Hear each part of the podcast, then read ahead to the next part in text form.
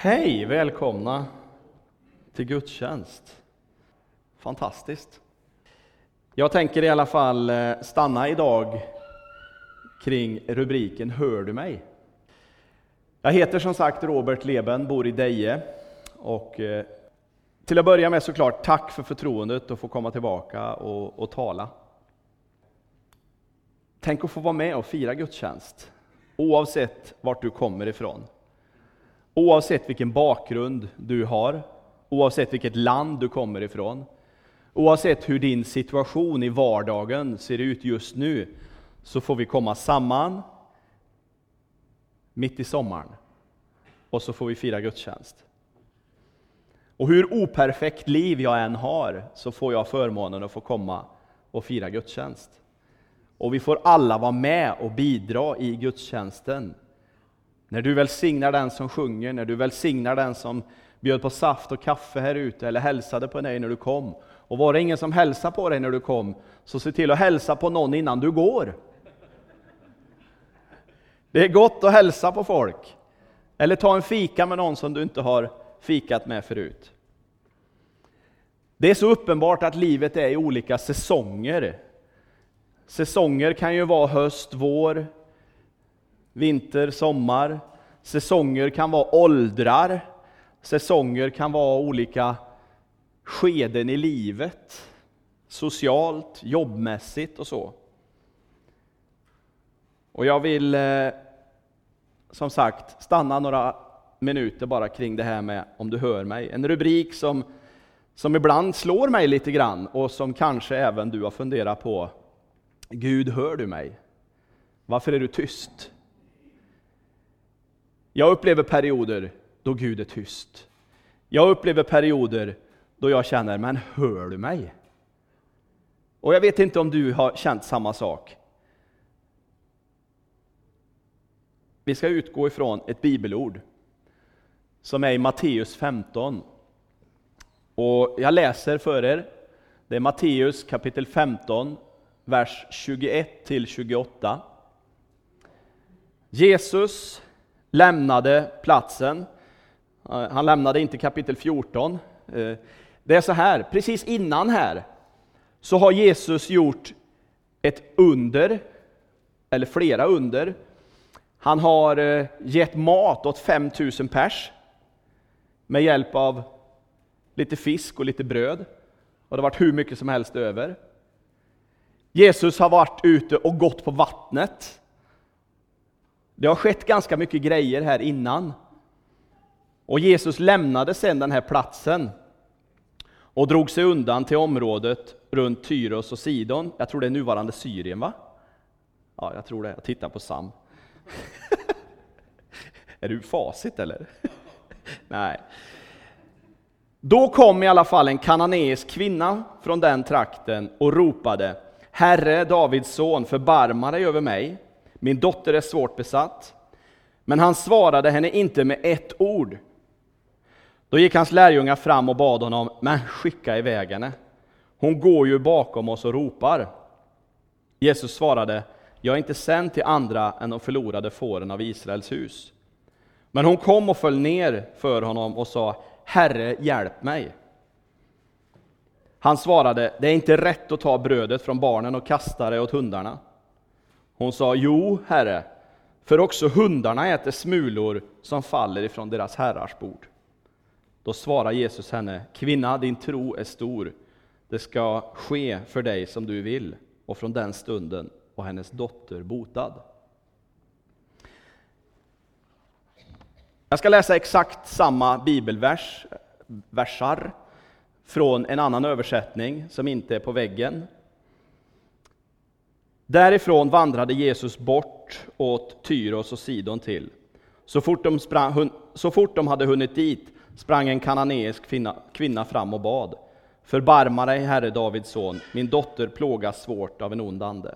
Men Jesus svarade inte, och till slut började lärjungarna klaga. Hon är på oss hela tiden, kan du inte göra något åt det? Vi blir tokiga på henne. Nej, sa han bestämt, jag har fullt upp med de får från Israels folla som gått vilse. Då kom Jesus fram igen, då kom kvinnan fram till Jesus igen och bad på sina bara knän att han skulle hjälpa henne. Jesus svarade, man kan inte rycka brödet ur munnen på barnen och ge det till hundarna. Så sant, Herre, kom hennes svar. Men till och med hundarna får resterna från sin husses bord. Då gav han med sig. Kvinnan, sa Jesus, din förtröstan är något i särklass. Du får som du vill. Och i samma stund blir dottern frisk. Alltså nummer ett här är varför är Jesus tyst? I första läget. Varför? Det fattar inte jag. Och det kommer jag nog aldrig att begripa. Men jag kan ana. Men jag ser fram emot svaret. Jag Ska ha förhör med Jesus när jag kommer till himlen. Varför svarar du inte på en gång? Ja, men varför är han tyst? Hela situationen från början är lite, ja, men lite konstig. Därför att för det första så var Jesus man, hon var kvinna. Och på den tiden, i den kulturen, så var det inte riktigt okej. Okay. De var dessutom från helt olika delar. Alltså det var inte normalt att de hade socialt småsnack. Så det är liksom det första jag undrar över. Varför är han tyst? Och jag har ju också haft stunder i mitt liv där jag har känt som sagt att, men, varför är du tyst? Hör du mig? Och den här kvinnan, hon är ju lite beundransvärd för hon... Vi ska se här. Så. Jag har tagit fram fyra attribut som jag tycker liksom kännetecknar den här kvinnan. Därför att hon, eh, hon vågar. För det var inte riktigt socialt okej okay för henne att närma sig Jesus. Men hon tar mod till sig. Och på något sätt så är det ju som att hennes situation är så desperat att hon bara måste. Hon far för sin dotters skull. Och jag tror att jag skulle kunna vara beredd att göra ganska mycket för mina flickor när det kommer till kritan. Jag tror jag skulle kunna vara beredd att offra ganska mycket, väldigt mycket till och med, för mina barns skull. Den här kvinnan hade en desperation över sin flicka, vilket gjorde att hon vågade. Och jag tänker ibland också att situationer då i mitt liv gör att, ja, det är inte så akut, så därför går jag inte till Gud med det. Eller också är jag, i, i vissa perioder så är jag där och drar i, i Gud som en sån här godisautomat. Och i vissa perioder så tycker jag att nej, men det där är väl en bagatell för Jesus. Men den här kvinnan hon vågade närma sig Jesus. Och jag ser det som ett karaktärsdrag hos den här kvinnan, att hon var modig och vågade. Det andra är ju att hon är envis. För Jesus han svarar henne ju inte ens. Han börjar ju liksom med att ignorera henne. Så lärjungarna får ju säga till. Hallå, kom igen. Vad gör du? Kan du be henne gå? Hon tjatar. Sånt får jag höra ibland från mina barn. Hallå, kan du gå? Du tjatar. Jesus blir nästan tvingad av lärjungarna att ge en respons. Men framför allt så är det kvinnan som tvingar henne, som tvingar Jesus att ge respons. Det är kvinnan som är envis och fortsätter. Hallå, Jesus, jag vill dig något. Jag tänker att det här behovet är så stort att nej fanns inte på kartan. Där gick Jesus. Hon hade med all säkerhet hört talas om Jesus. Därför vågar hon närma sig Jesus. Hon hade med all säkerhet kännedom om vad Jesus kunde göra för hennes barn. Därför var hon envis och fortsatte och tjatade. Kom igen, jag behöver dig. Vi läser också att när Jesus tilltalar henne så säger Jesus så här, det är inte rätt att ta brödet från barnen och ge det till hundarna. I sammanhanget så är det ju så att Jesus, han var där för det judiska folket. Och tanken var i hans uttalande att ja, men, jag ska se till att visa judarna, Guds utvalda folk här, vem jag är. Att jag är deras frälsare, jag är deras Messias. Och sen så kan de sprida det här vidare. Så Jesus på något sätt verkar ju inte känna sig redo och dra det här vidare bortåt Syrien här nu. Så kvinnan verkar ju störa hans timing lite grann. Jag läser det så. Det var inte riktigt läge tyckte Jesus, därför börjar han med att, äh, det är inte dags för er än. Och då tänker jag återigen till mig själv, hur påverkar det här bibelordet mitt liv? Är det dags för mig än? Hur länge ska jag be om de här sakerna? Hur länge ska jag vänta på ett genombrott för det här som jag har gått och bett om i många år? Eller nu i flera dagar? Är man lika tålmodig som jag så är ju tre dagar en halv evighet. Du kanske har bett i år, jag vet inte. Eller du kanske har en situation som har precis löst sig, eller du kanske har en situation som precis har bara fallit sönder. Och du känner bara att allting är trasigt. Den här kvinnan, hon blir kallad för hund. Jag har aldrig mött en tjej som gillar att bli kallad för hund. Och jag har, Helena, min fru, sitter här. Har jag någonsin kallat dig för en hund? Nej. Det vore oklokt. Alltså, snacka om förolämpning egentligen. Kvinnan hade kunnat valt att bli bitter, arg och bara stick. Med det bemötandet vill inte jag ha med dig att göra. Det är den naturliga reaktionen om någon kallar dig för hund. Och i den kulturen där då, hundar var inte mycket värda. Är fortfarande inte speciellt mycket värda borta i den delen av världen. Men kvinnan, hon är ödmjuk. För hon säger till och med, jo, Herre, för också hundarna äter smulorna som faller från deras herrars, deras herrars bord. Alltså någonstans så bara, återigen, behovet är så stort. Och vissheten om att han kan hjälpa mig är så stor. Så att hon väljer att bara, okej, okay, tyck att jag är en hund, men kan jag få lite smulor ändå? Säg vad du vill, men jag behöver smulorna. Ge mig någonting. Ge mig någonting. Och jag tänker att jag är alldeles för otålig ibland. Jag tänker att du kanske känner igen dig i vissa delar av det här också, att vi, vi gapar efter mycket, eller vi, vi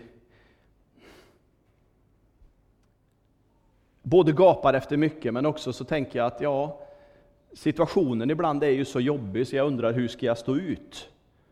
Eller du kanske har en situation där du känner hur ska jag stå ut, för jag orkar inte mycket längre till. Men ge mig i alla fall några smulor. Om inte en hel barkis, så ge mig en smula i alla fall. För jag vet att en smula räcker, bara den kommer ifrån dig Jesus.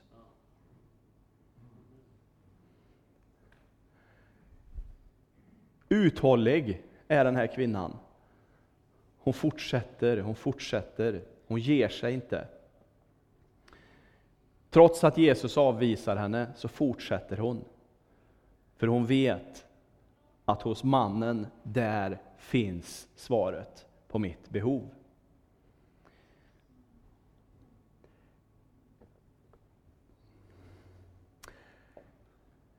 Jag ska läsa ett kort, ett kort stycke från Jakobs brev 5.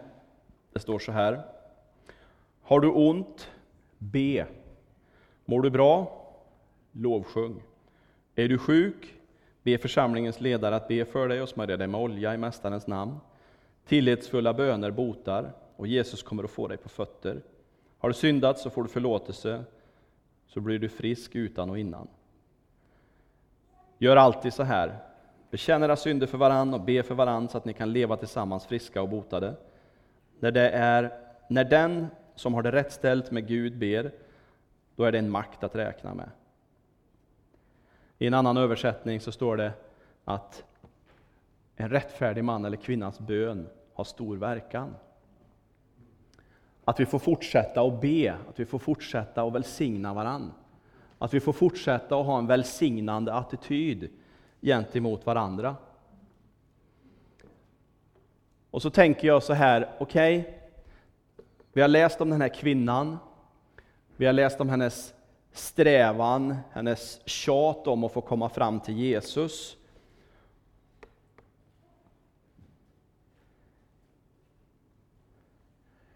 Ingen respons är inte detsamma som negativ respons, tänker jag. Och jag tänker att det är kanske någonting som du kan ta, dig med, ta med dig hem också. Att om du upplever att du inte har fått någon respons, så kan ingen respons Alltså det, är inte, det behöver inte vara ett nej för att du inte har hört något än.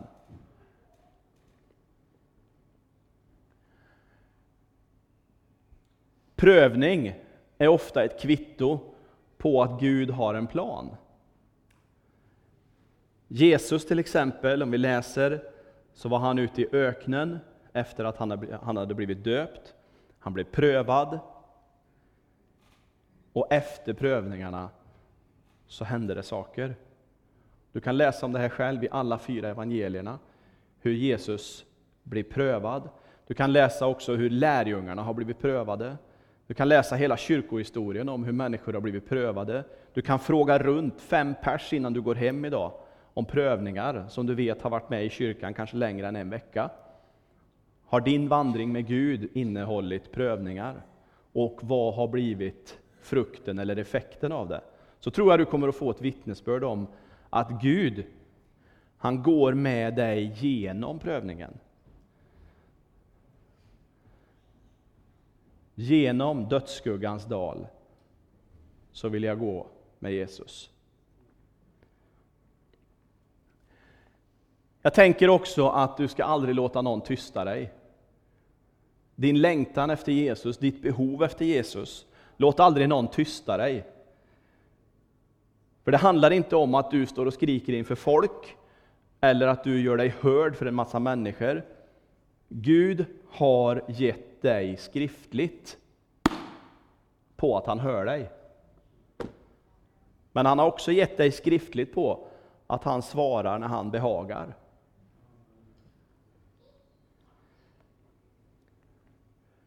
Medan du väntar, fortsätt lovsjung. Medan du väntar på ditt mirakel, medan du väntar på att vinterns eländiga kyla ska gå över till vår, lovsjung. Medan du väntar på att vårens eländiga pollen ska sluta göra din näsa rinnig, lovsjung. Medan du väntar på att sommarens värme ska sluta plåga dig så jag slipper få CD-skivor under armarna, lovsjung. Medan höstens gula löv och regn gör att du bara tycker, men kom igen, vart är sommaren? Lovsjung. Andra versen som du sjöng, första sången, andra sliden. Ska vi se om datakillen kan ta fram den. Första sången idag, andra sliden. Ska vi se om vi får upp den.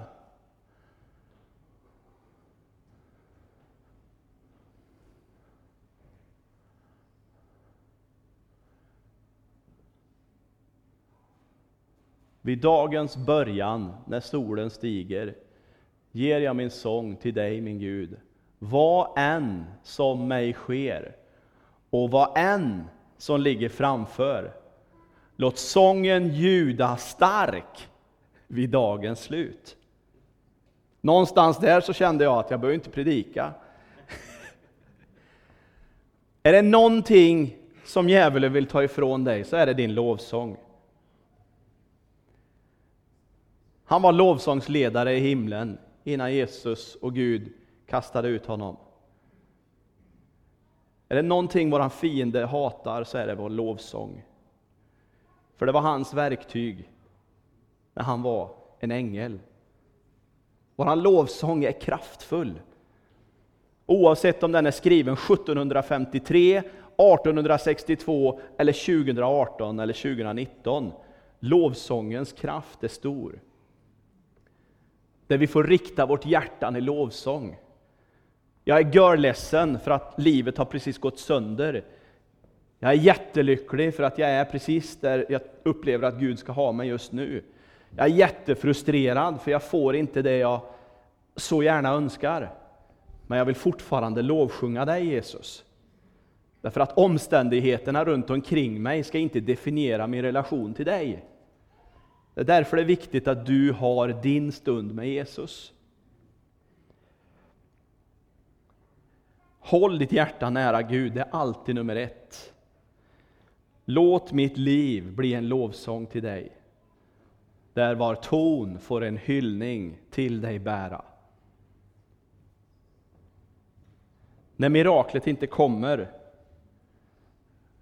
låt min ton ändå får bli en hyllning till dig. Jesus han vill röra mig och dig här inne. När Gud förändrar oss människor så gör han det inifrån och ut. Så att löftet... Nu ska vi se. Så. Löftet, det gäller dig. Ge dig inte. Fienden vill att vi ska tappa modet. Du är tjänare, han är Gud. Kom ihåg vem du är. Kom ihåg att det inte är du och jag som är Gud. Kom ihåg att predikanten eller lovsångsledaren inte är Gud. Vi är tjänare, han är Gud. Och våga fortsätta lovsjunga Gud, för han har vunnit seger. Och jag vet inte vart du är som sagt i livet. Men jag tror att du ska bara fortsätta våga. Jag tror att du ska få fortsätta att vara lite envis och ödmjuk. Och så ska du få se hur Gud också närmar sig och öppnar dörrar för dig och mig. Jesus, jag tackar dig för att du hör vår bön. Jag tackar dig för att du lyssnar, jag tackar dig för att du är intresserad Jesus. Jag prisar dig för att du är här för att möta oss, våra behov, vår längtan. Du ser att våra liv är lite si och så ibland. Du vet att vi går igenom säsonger, Herre, men jag vet, Herre, att du bryr dig om oss. Jag vet, Herre, att du älskar oss. Och vi vill fortsätta att sträva mot dig, Jesus, tillsammans. Amen. Amen.